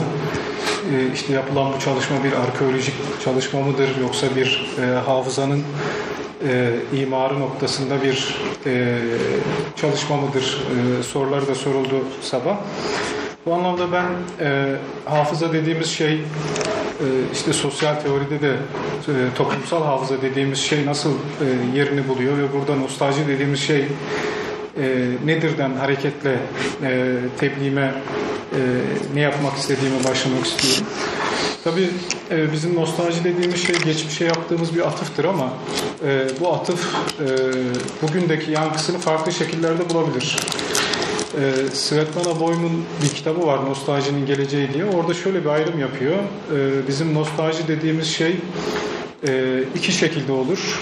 E, bir kurucu nostalji vardır. E, imar eden bir nostaljidir. Bir de düşünsel bir nostalji vardır. E, bu ikisi birbirinden farklıdır. Bizim düşünsel nostalji dediğimiz şey bizi geçmişe götürür. Ama geçmişten hiçbir şey getirmez. Ama kurucu nostalji dediğimiz şey ise e, geçmişle birlikte bugünü e, imar eden bir şeydir. Dolayısıyla e, bizim e, geçmişimizden bağımsız, hafızamızdan bağımsız bir tartışmayı, e, bir bugünü yürütmemiz e, aslında çok da mümkün değil. Zaman zaman oraya gidip e, oradaki belli kurucu alanları e, hatırlayıp belki bazılarını imar edip yeniden düzenleyip yeniden e, bir forma kavuşturup e, gerçekleştirmemiz gerekiyor. Bu anlamda İslamcılık düşüncesinin bugününü e, tartışacaksak e, geçmişteki o kurucu e, alan dediğimiz alana da müracaat etmemiz gerekiyor. E, bunun için de en e, önemli örneklerden bir tanesi Sırat-ı Müstakim Sebil-i Reşat dergileri e, İslamcılık düşüncesinin filizlendiği, temelinin atıldığı ve uzun bir süre, ciddi anlamda uzun bir süre bu düşüncenin e, tartışıla geldiği, kendi içerisinde e, pek çok farklı e, anlamda e, tartışıldığı bir alan. Ki verilere baktığımızda yaklaşık 34 yıl e, e, ara verilen zamanlar çıktığında 34 yıllık bir süreç e, geçiyor ve burada e, bin sayıya yakın e, derginin çıktığını görüyoruz. Yine e, ara verilen aralarla birlikte e, 57 sene devam eden bir e, dergiden e, söz ediyoruz. 1908'de başlıyor ve 1965'e kadar e, zaman zaman kapatılıyor, zaman zaman imkansızlıklardan e, sürdürülemiyor. Ama 57 senelik bir dönemin hafızasını barındıran bir dergiden e, bahsediyoruz. Bu anlamda e, bu hafızaya müracaat etmeye çalışacağım aslında ben ve ondan bugüne neler söyleyebiliriz e, biraz da gizli bir gündem olarak e, onu anlatmaya çalışacağım. Tabii temelde aslında yapacağım şey e, metodolojik olarak betimleyici bir şey e, olacak ama e, oradan da sonunda e, dediğim gibi az önce o hafızanın bugünkü görünümleri e, anlamında e, belli çıkarımlar yapmaya çalışacağım. E, pek metodolojik olarak e, izlediğim yol ise şu. E, bibliografya e, okuması aslında. E, bu dergilere baktığımız zaman belki de e, tam emin olmadığım için e, belki de diyorum e, İslamcı dergiler ya da Türkiye'deki dergicilik tarihi içerisinde en çok fihris çalışması yapılan dergiler bu dergiler e, olabilir. Çünkü onlarca e, yüksek lisans doktora tezi var, e, müstakil fihris kitapları var. E, bir tanesi de Suat Hocam'a ait bir kitaplardan derinlemesine yapılmış fihrisler var. Yani sadece bir fihris değil, içerisindeki yer adları, e, hadisler, ayetler, e, yazarlara göre, e, konulara göre e, bibliografik e, çalışmalar. E, bu anlamda baktığımız zaman e, aslında bu hafızanın önemli olduğunu da gösteren bir şey bu. Yani bir e, çıkmış bundan e, yıllarca önce çıkmış bir derginin bir fihrist kanalıyla e, bugüne aktarılması düşüncesi üzerinde fihrist olarak sadece e, içinde yer alan makalelerin başlıkları e, olarak e, derlemenin yapılması da aslında bu hafızanın ne kadar önemli olduğunu gösteriyor. Ben de bu anlamda e, size birazdan sunumunu gerçekleştireceğim çalışmada e, bir fihristi esas alarak e, o fihristeki tartışma başlıklarının, makale başlıklarının İslamcılık düşüncesi içerisindeki e, yerini e, betimlemeye çalışacağım ve burada e, Abdullah Ceyhan'ın 1991'de yapmış olduğu fihristi esas aldım. E, bu fihristi esas almamın sebebi ise e, her üç dönemdeki yani Sırat-ı Müstakim, Sebil-ü Reşat ve yeni Sebil-ü Reşat'taki makalelerin tamamını fihrislemiş olması. Suat Hocam'ınki Sırat-ı Müstakim üzerine çok daha derinlemesine bir e, fihris çalışması. O da e, bu anlamda yararlandığım kaynaklardan. Ee, ve burada e, bunu analizi gerçekleştirirken yani bu başlıkları tararken e, bir çerçevelemeye e, başvurmaya çalıştım. Çünkü e, çerçeveler belki de bizim e, o dağınık veriyi belli bir alanda e, incelememizi, analiz etmemizi kolaylaştırıcı unsurlar olacak. E, bu anlamda bu taramanın sonucunda yani bütün dergileri bütün e, tartışma başlıklarını baştan sona incelediğimizde e, benim görebildiğim bir dört başlık e, var. E, bu başlıklar e, bu dergideki İslamcılık e, konusu üzerine e, tartışılan temel e, alanlar. E, bunlardan ilki İslam medeniyetinin mevcut durumu ve geleceği bir tespit yapıyor bu dergi. E, İslam medeniyeti dediğimiz e, medeniyetin mevcut durumu nedir? Bunun üzerine bir e, tespiti var. E, daha sonra dikkat çeken unsurlardan bir tanesi diğer ideolojilerle hesaplaşma ve kavram tartışmaları. E, diğer İslam, İslam ülkelerinin durumu, ümmet bilinci ya da iddiadı İslam e, düşüncesi dediğimiz e, alan ve Müslüman kadının yeri. Birazdan bunları o başlıklar üzerinden, e, bazı örnekler üzerinden size açıklamaya çalışacağım. Tabii ee, ilk e, anlamda tartışılan konu e, durum tespiti. Çünkü e, ciddi bir kritik bir dönemde e, dergi çıkıyor. 1908'de e, dergi çıkmaya başlıyor ve e, Osmanlı'nın sonu yeni bir toplumsal yapı tartışılıyor. Türk toplumu nereye gidecek tartışmaları var. Ve bunun içerisinde de özellikle İslam anlamında İslam'ın bu çöküşe çöküşteki yeri nedir? bizim ilerleyemememizin sebebini nerede arayacağız? Bunun e, bizatihi İslam'da mı arayacağız yoksa İslam'ı çağ ile uygunlaştırma noktasında bir problem mi e, yaşıyoruz? Sorusunun e, cevabı e, genel anlamda zaten İslamcılık düşüncesiyle ilgili e, bu dönemden itibaren 60 öncesi dönemdeki temel sorunsal da bu. Yani İslam'ın ilerleme e, düşüncesinin batılı anlamda bize dayatılan ilerleme düşüncesinin neresinde e, olduğu sorusu. E, burada tabii ben bir kısmını e, aldım. E, çalışmanın tamamında bunlar e, tekrarlar da çıkartılarak e, tekrar düzenlenecek ama e, bu anlamda bazı örnekleri vereyim size dergideki tartışılan başlıklardan.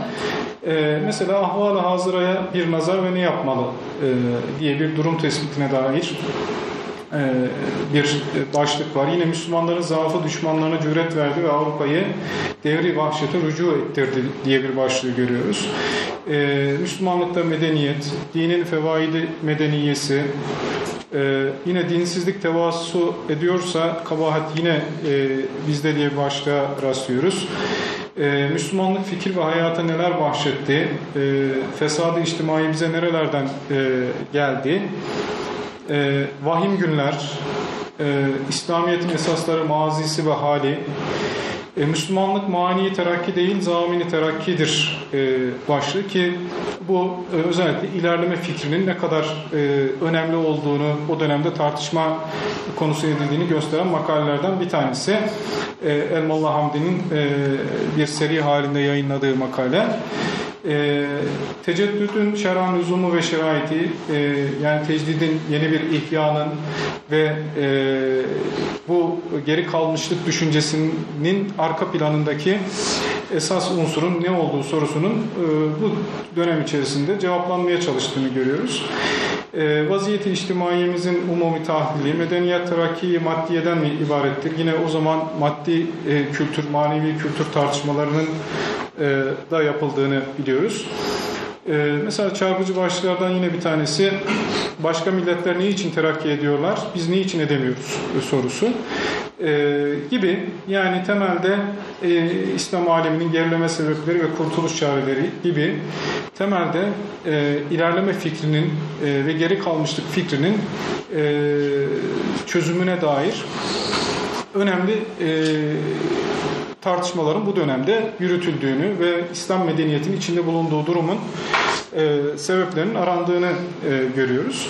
Yine mevcut duruma ilişkin e, önemli başlıklardan bir tanesi ahlak sorunsalı e, ve biz bu sorunsal tartışılırken genellikle İslam'la Hristiyanlık arasında bir mukayesenin yapıldığını görüyoruz. E, dolayısıyla içinde bulunan ahlak probleminin e, batı kaynaklı ve Hristiyanlığın e, etkisi üzerinde e, konumlandırıldığını e, söyleyebiliriz. E, mesela işte ahlakın menşei, bizde ahlak, İslam ve Nasraniyetin e, münasebeti asliyesi, işte genç Hristiyanlar cemiyeti, Garp'ın şarka kilise siyaseti gibi başlıklar e, ahlak sorunsalı bağlamında e, o dönemde mevcut durumun e, tartışıldığını ve bunun özellikle de e, Batı kaynaklı ve Hristiyan kaynaklı görüldüğüyle ilgili e, başlıklar. Yine mesela o zamandan tartışılan Ayasofya Camii ibadete açılmalıdır diye bir başlık var. Bu, bunun bugünle ilgili bağlantısını da ileride kurmayı hocam inşallah. Yine Hilal ve Salip yahut İslam ve Nasraniyet diye e, başlıklar bize e, mevcut durumda özellikle ahlak noktasında Hristiyanlıkla bir mukayesenin olduğunu da gösteriyor. E, mevcut durumla ilgili e, önemli konulardan bir tanesi de din eğitimi konusu. E, çünkü e, bu dönemde özellikle e, Batı ile ilgili münasebetlerin ve e, yine ilerleme fikrine e, ya da geri kalmışlık fikrine e, atfın nasıl düzenlenebileceği konusunda bir eğitim e, atağının yapılması gerektiğini, bir düzenlemenin e, yapılması gerektiğini e, görüyoruz. Bu anlamda e, İslami eğitim ya da Müslümanların eğitimi noktası da e, temel sorunsallardan bir tanesi gözüküyor. İşte Müslümanlar nasıl mekteplere muhtaçlar, milletlerin terakkisinde Elif Bağ'ın hissesi, e, mekteplerde dini tedrisat ve terbiye dini hakkında gibi e, terbiye ve talim, Müslümanlığı diriltecek e, müesseseler gibi e, pek çok konunun e, tartışıldığını görüyoruz. E, bu anlamda e, hani gerçekleştirdiğimiz taramanın sonucunda e, birinci e, temel konunun Müslümanların mevcut durumunun e, analizi, içinde bulunan e, durumun analizi olduğunu söylememiz e, mümkün.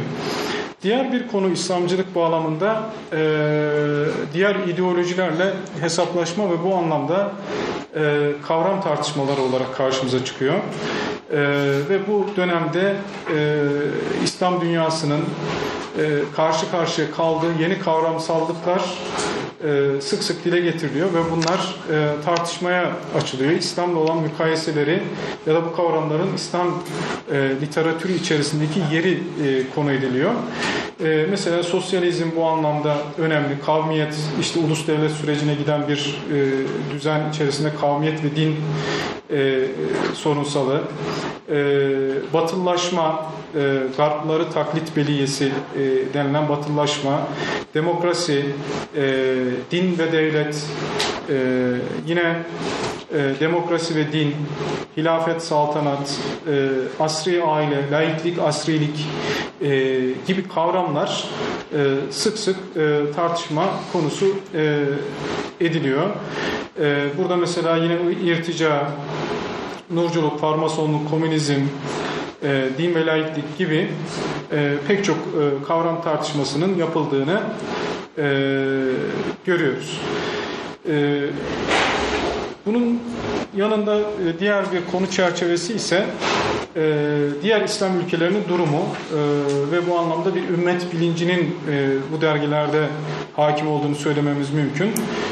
Öyle ki Osmanlı'nın artık yıkılış dönemlerine gelmiş bir süreçte dergide İslam coğrafyasının hemen hemen her alanıyla ilgili tartışmalarının diğer dünya ülkelerindeki Müslümanların durumlarıyla ilgili tartışmaların da sık sık dile getirildiğini görüyoruz. İşte Almanya, İngiltere, Türkiye ve alemi İslam, Çin Müslümanları, Japonya'da İslamiyet, Türkiye'de muhacerat, İran'ın mali ve hazin, haline bir nazar gibi.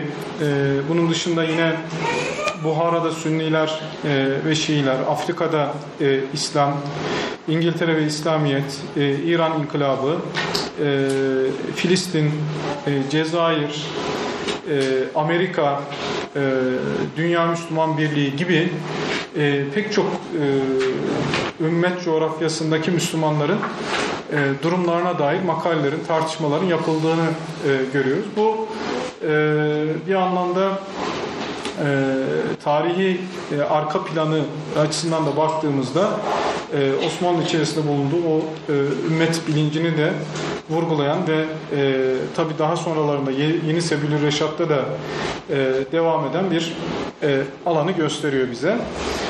Son olarak e, bu dönemde tartışılan e, ana e, konulardan bir tanesi e, İslam'da kadının yeri ya da Müslüman kadının yeri. Bu konu özellikle modernleşme bağlamında e, önemli e, konulardan bir tanesi ve derginin genel eksenini de e, sağlayan konulardan e, bir tanesi. Çünkü özellikle pratik hayatta e, batılılaşmanın tezahürü kadının e, üzerinden e, gerçekleşiyor ve özellikle kadının bedeni üzerinden bir e, batılılaşma etkisiyle maruz kalınıyor e, bu dönemde. Dolayısıyla burada Müslüman kadını nasıl konumlandıracağız meselesi e, tartışmaya açılıyor ki bunların en başında da tesettür meselesi geliyor. Yine özellikle İslam ve kadın bağlamında yumuşak karnı, İslam'ın yumuşak karnı olarak batı tarafından görülen çok evlilik meselesi, teaddüdü zevcat meselesi bu dönemde bu derginin de bir önemli konularından bir tanesi. İşte Müslüman kadını, tesettürün isvan, çok evlilik, eşitlik, özellikle kadın erkek eşitliği, feminizm hakkında tartışmalar çok farklı şekillerde, çok enteresan başlıklarda bu dönemde görüyoruz. Mesela evvela erkeklerimizi örtelim diye bir makale başlığı var. Yine tesettür işine zabıta karışmasın mı diye bir var. Benim özellikle belki bundan 10-15 yıl önce bu fihristi karıştırırken en çok dikkatimi çeken şey e, yine tesettür meselesi makalesi e, olmuştu. E, 1920'lerde yine tesettür meselesi e, başlığını 1990'larda e, üniversite öğrencisiyken e, okumuş e, e, ol, olmuştum. O da e, ilginç bir şey. Bugün de aynı tartışma e, zira devam ediyor. Yüksek tahsilin kadınlar üzerindeki tesiratı e, yine bugün bir test konusu olabilir e, belki de. E, Müslümanlıkta kadın, Müslüman kadın hürdür ve mesuttur. Tesettür e, meselesinin tarihi halli, yine tesettürün İslam meselesi hakkında son söz mesela. Evet, e, o günden. Yine feminizm bu, bu e, kavram hem kavram tartışmalarının hem de Müslüman kadının yeri bağlamında önemli e, başlıklardan e, bir tanesi olarak karşımıza çıkıyor. Hemen hocam sonuçlandıracağım inşallah. E, burada ben sonuç olarak e, tabii bu böyle bir çerçeve çizdim. E, bu taramanın sonucunda böyle bir e, çerçevede İslamcılık düşüncesini bu dergilerden çıkarabileceğimizi e, söyledim ama tabii bu ee, özellikle çok farklı konular da e, İslami pratikler anlamında bu dönemde tartışılıyor. Onlar tabi bu İslamcılık e, çerçevesinde değil daha pratik konular olduğu için onları çok dahil etmedim. Mesela hoparlörden ezan okunur mu? Latin harfleriyle Kur'an okunur mu? Kolonya kullanmak caiz midir? gibi e, makaleler var. Ama ben son olarak ilk başta e, yapmış olduğum çerçeve bağlamında e, iki e, noktaya temas etmek istiyorum ve böyle bitirmek istiyorum. Bunlardan bir tanesi tartışma konuları e, bu dergilerin yayınlandığı zamanlar bağlamında e, değişiyor ama tartışmanın ekseninin genel itibariyle değişmediğini görüyoruz. Buradan neyi kastediyorum? Mesela Sırat-ı Müstakim'de dünya Müslümanların haliyle ilgili e, tartışmalar çok daha geniş bir perspektifteyken Yeni Sebil Reşat'ta bu konu mesela Orta Doğu ve Filistin konusuyla e, sınırlandırılabiliyor.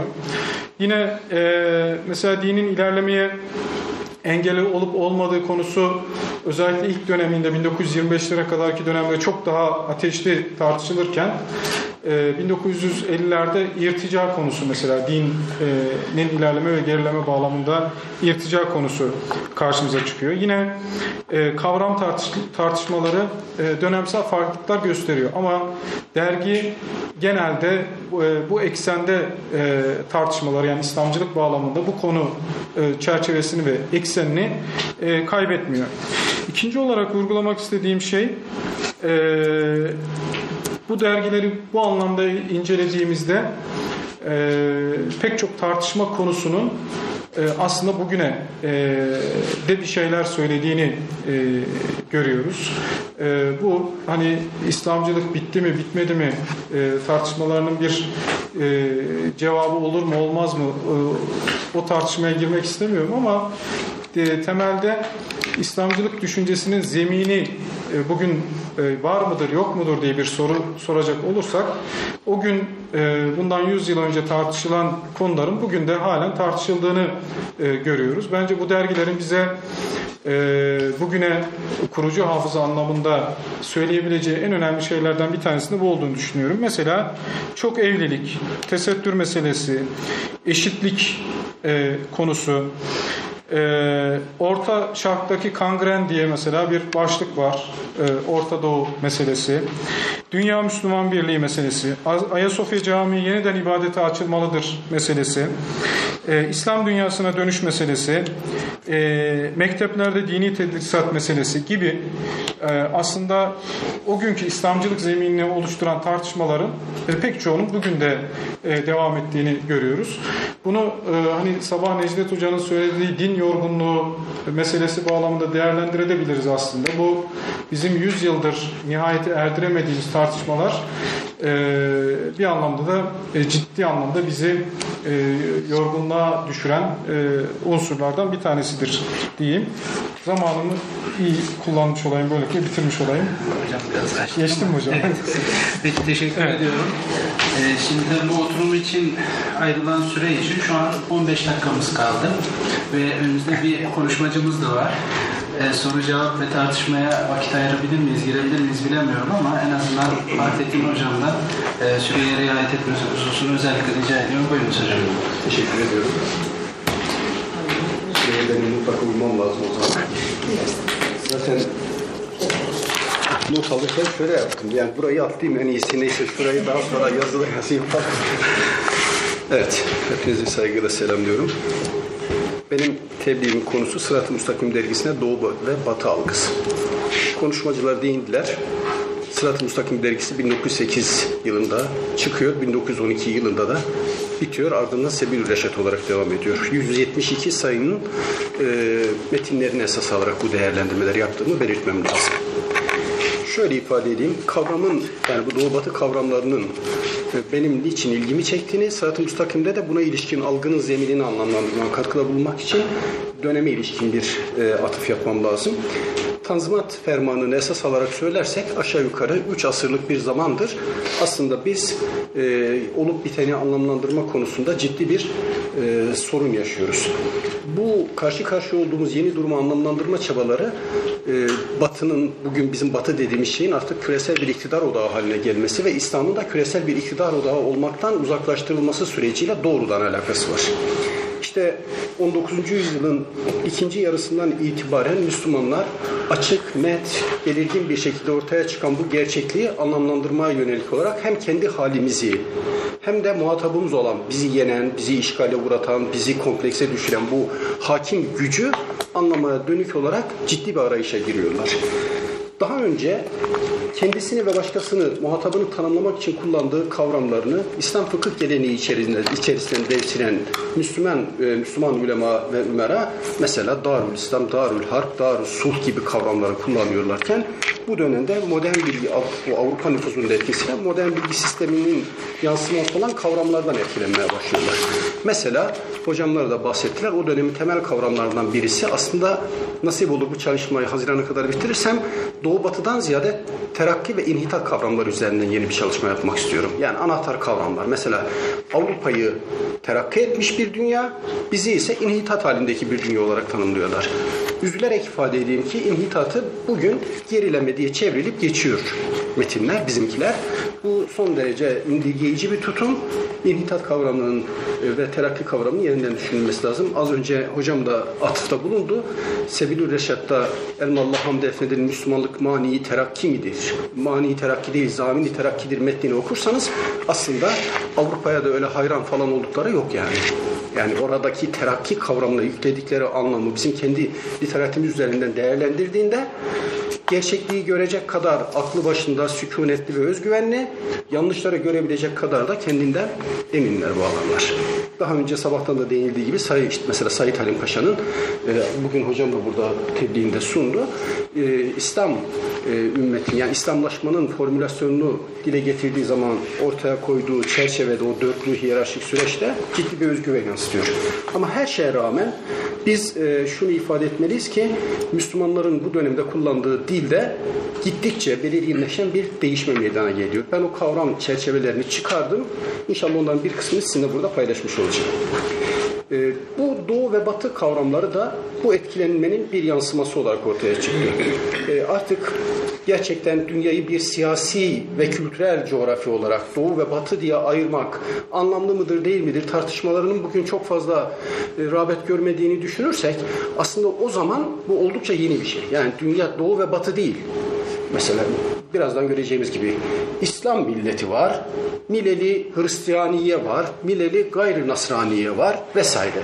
Yani buradaki fıkıh dilinin kavramları kullanılırken gittikçe şark ve garp kavramları bugünkü bizim doğu ve batı kavramları anlamında dergide daha fazla yer tutmaya başlıyor. Ee, aslında Edward Said'in harflı olarak o oryantalizm kitabındaki çarpıcı çözümlemelerini hatırlarsak doğu kavramını kendimiz için kullanmayı kabul ettiğimiz andan itibaren e, kendini batı diye tanımlayan bir dünyanın ötekisi olmayı ve kendisini her anlamda ona göre konuşlandırmayı peşinen kabul etmiş olacağız. Sırat-ı Mustakim böyle bir şey yapıyor mu?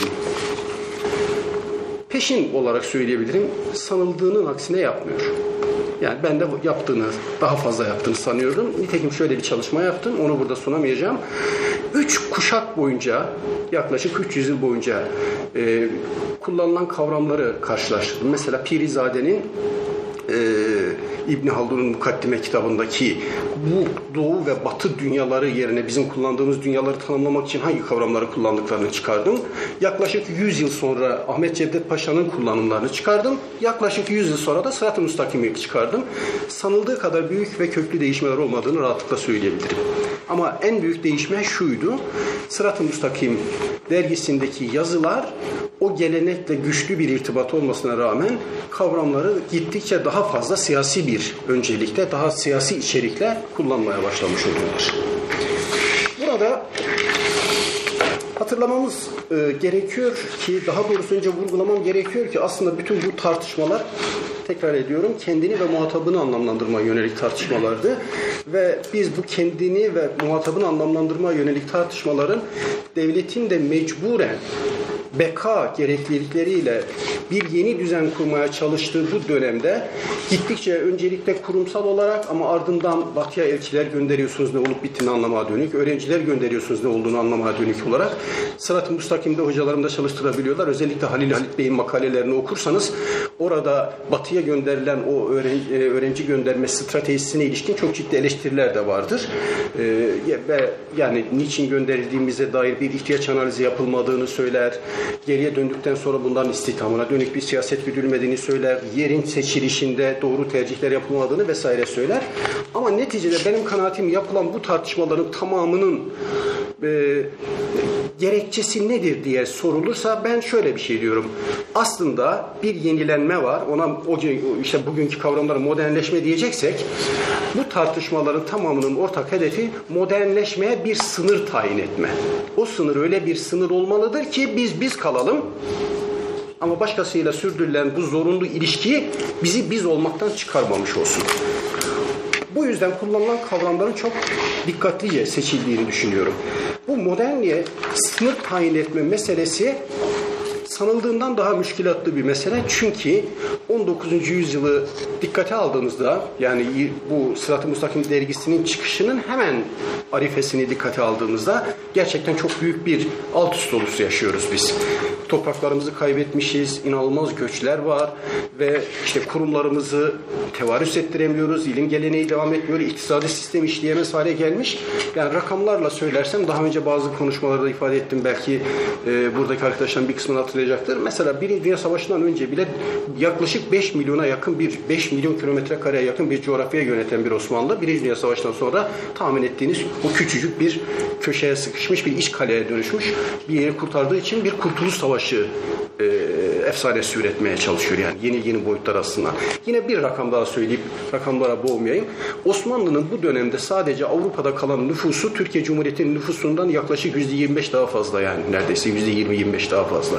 Osmanlı'nın Avrupa'da kalan nüfusu 15 milyon küsür. Osmanlı Türkiye Cumhuriyeti'nin nüfusu kurulduğu zaman 13 milyon civarında. Yani sarsıntının büyük bir aslında söylüyorum.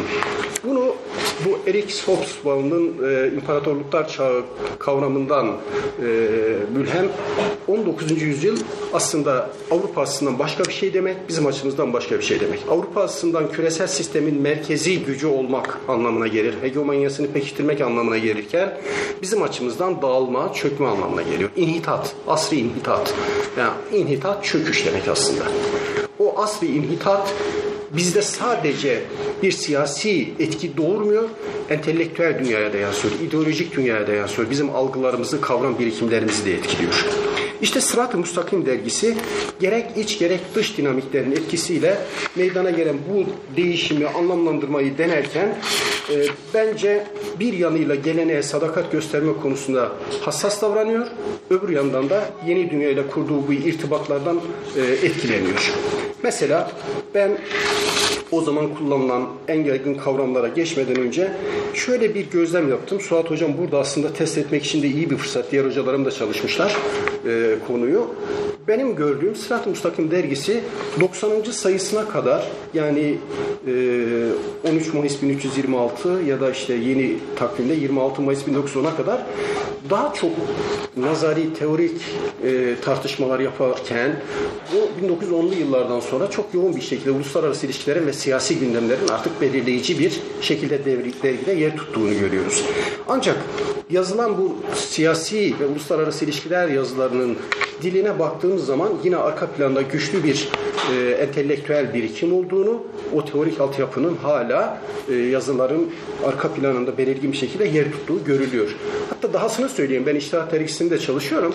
Abdullah Cevdet'in bir metnine baktığımda bugün bizim daha yeni yeni keşfetmeye başladığımız o meratibül ulum ve meratibül vücut ve ulum e, kavramlarıyla dünyayı algılama sisteminin o metnin arka fonunda çok sağlam bir şekilde durduğunu gördüm ben.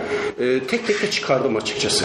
Yani Abdullah Cevdet gibi Türk pozitivizminin mecrasını oluşturan e, derginin kurucusu, en çok yazanı bir adam bile İslam ilim geleneğinden bu düzeyde istifade edebiliyor. E, Sırat-ı müstakimin etmediğini düşünmek mantıklı olmazdı. Dergide daha çok medeniyeti hazıra kavramı kullanılıyor Avrupa için. Ve Müslümanları eleştirirken de her şeyiyle değersizleştirmeyen bir dil kullanırken Avrupa'daki gelişmeleri ciddiye alırken, başarılarını tespit etmeye çalışırken de Avrupa'yı büsbütün olumlamayan bir çerçeve olduğunu peşinen söyleyebilirim. Mesela Sırat-ı Müstakim dergisinin Doğu Batı kavram çiftinin karşılığı olarak kullandığı kavramları şöyle sınıflandırabiliriz. Şark, Garp, Hilal, Salip, Müslüman, Hristiyan, Avrupa, Asya. Şimdi bu kavramların tabi alt başlıkları var. Ben e, tebliğimi de zamanında bitirebilmek için isterseniz bir, bir kısmını okuyayım. Dergide Avrupa ve Avrupalı devletler ve milletlerle ilgili olarak şu kavramlar kullanılıyor. Avrupa, Garp, bir şeyi dikkat etle yakalayıp yakalamayacağınızı açıkçası görmek isterim. Yani ben çünkü geç fark ettim. Belki sizin dikkatiniz benden daha iyi olabilir.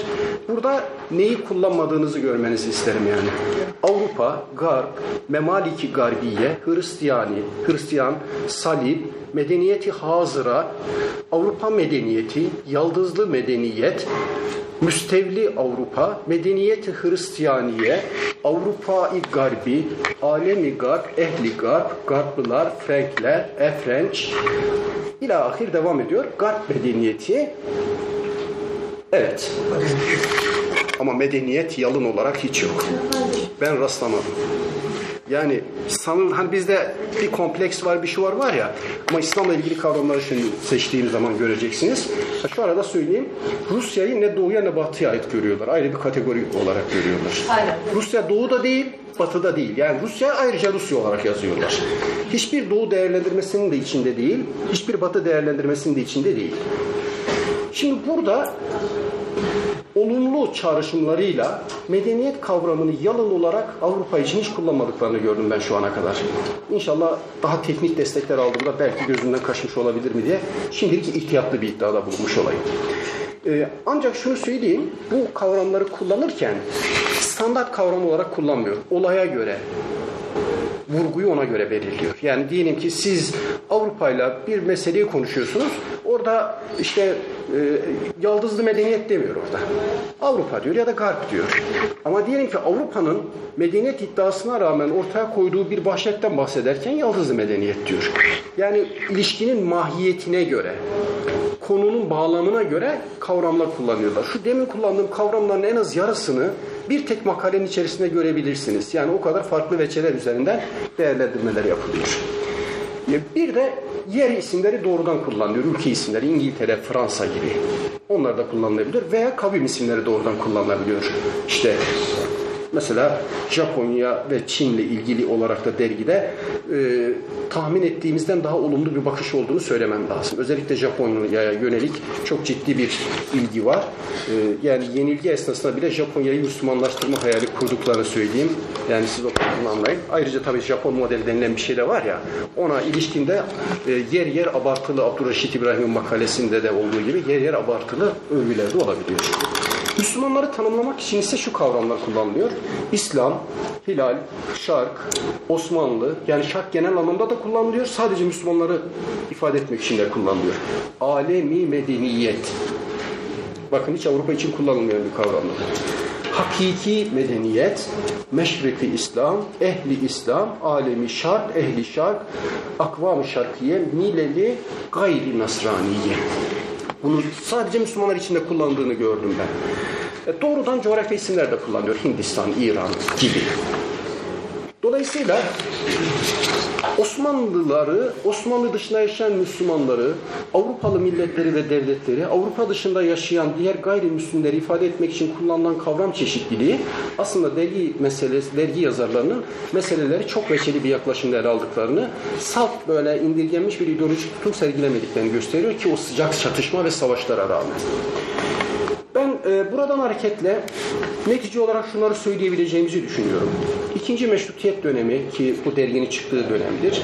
Hatta meşrutiyetin ilan edildiği günü derginin çıkış tarihi olarak ilan ediyorlar. Zannediyorum herhalde aynı gün yayınlanmıyordu değil mi Suat Hocam? Yok yaklaşık evet. bir ay sonra. Yaklaşık, buna rağmen e, meşrutiyet devriminin olduğu günü kendileri için bir çıkış tarihi olarak e, atıyorlar.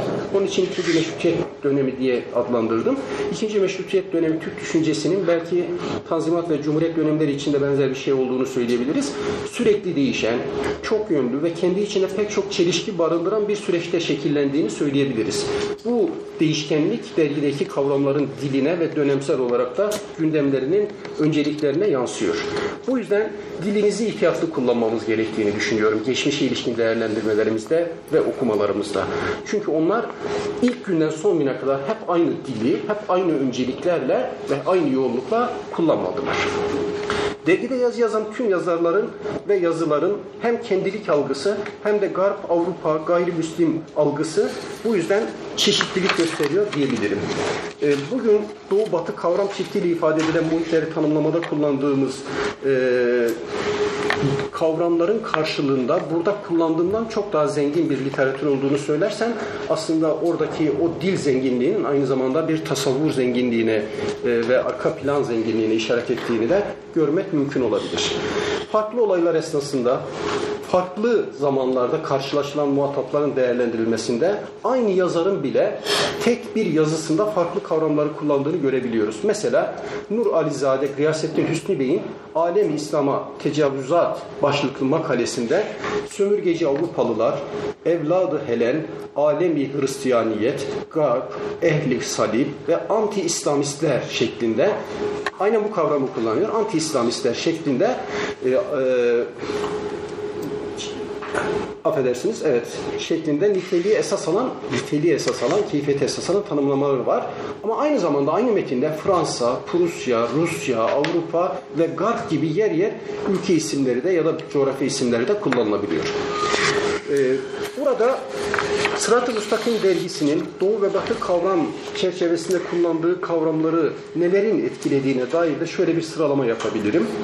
Muhatabın Müslüman olup olmaması değerlendirmelerde en belirleyici şey. Muhatabın Müslümanlarla ilişkisi, mesela işgalcilik ilişkisi mi var? Ortak bir mağduriyet ve saldırıya uğramış olmak, mesela Japonya, Çin gibi onlara yakınlık hissediliyor. Yine üçüncü bir şey Avrupa sömürüsüne karşı olup olmama muhatabı tanımlamada çok belirgin bir şekilde Sırat-ı Müstakim dergisi yazarlarını etkiliyor. Bir de hiç ideolojik olmayan son derece somut bir gerekçe mesela ilim ve fen cihetiyle bir ülkenin ya da e, işte bir medeniyetin karşı karşıya olduğu durumu tanımlarken son derece nötr kavramlar kullanabiliyorlar. Yani teknik gelişmişlik seviyesini, eğitim seviyesini tanımlarken son derece betimleyici bir dil kullanıyorlar. Toparlıyorum. Hülasa olarak derginin baş yazarı da olan Akif'in Hasbihal başlıklı makalesinde sunduğu çerçeve Sırat-ı Müstakim dergisinin yaklaşımını bence en yetkin ağızdan temsil eden bir örnektir. Akif şöyle diyor. Memleketimizde iki sınıf halk var. Ne varsa şartta vardır. Garba doğru açılan pencereleri dahi kapatmalıyız diyenler. Ne varsa garpta vardır. Harimi ailemizi bile garplılara açık bulundurmalıyız iddiasına kadar varanlar. İyi ama bunun ortası yok mu? Diyeceksiniz evet var. Lakin o kadar az ki birbirine neyzen bakışıyla bakan şu iki cemaatin arasında hiçbir mevcudiyet gösteremeyeceği için bunları da ister istemez der cengi evvel sürünün haricinde bırakılan biçarelere ilhak edeceğiz. Ama öyle geliyor ki ne varsa şartta vardır diyenler de diyenler de diyenler yalnız garbı değil şarkı da bilmiyorlar. Nitekim ne varsa garpta vardır davasını ileri sürenler de yalnız şarkı değil garbı da tanımıyorlar. Bence bir kavramsal çerçeve olarak inhitat ve terakki kavram üzerine çalıştığımızda bu kavramların niteliğini açığa çıkardığımızda iki farklı dünyadaki ya da medeniyet havzasındaki gelişmeler nasıl algıladıkları da daha fazla belirlenmiş olacak. Teşekkür ediyorum. Ben teşekkür ediyorum Vahdettin Hocama. Böylece bu oturumun bütün konuşmaları tamamlanmış oluyor ama bu oturum için tam, e, tanımlanan süre de bitmiş oldu. Şimdi tabii konuşmacılara mesela ben bir açıdan hak veriyorum çünkü bu kadar önemli meseleler, başlıklar bunun 15 dakika özet, özetlenmesi hakikaten çok e, insanüstü bir çaba gerektiriyor. Bu çok zor bir şey. E, ama e, kaçınılmaz olarak da herhalde yapılması gereken bir şey. E, bilemiyorum konuşmacılarımızın ve daha doğrusu dinleyicilerimizin bütün bunları e, nasıl karşıladığını yani makes bulduğunu görmek için bir iki soru almamız. Soruları Öyle mi? Peki. Evet, o zaman e, bu oturumu tamamlıyoruz. E, konuşmacılarımızla ilgili özel sorusu olan e, dinleyicilerimizi e, artık arada e, sorularını yöneltmelerini rica edeceğiz. Hepinize çok teşekkür ediyorum.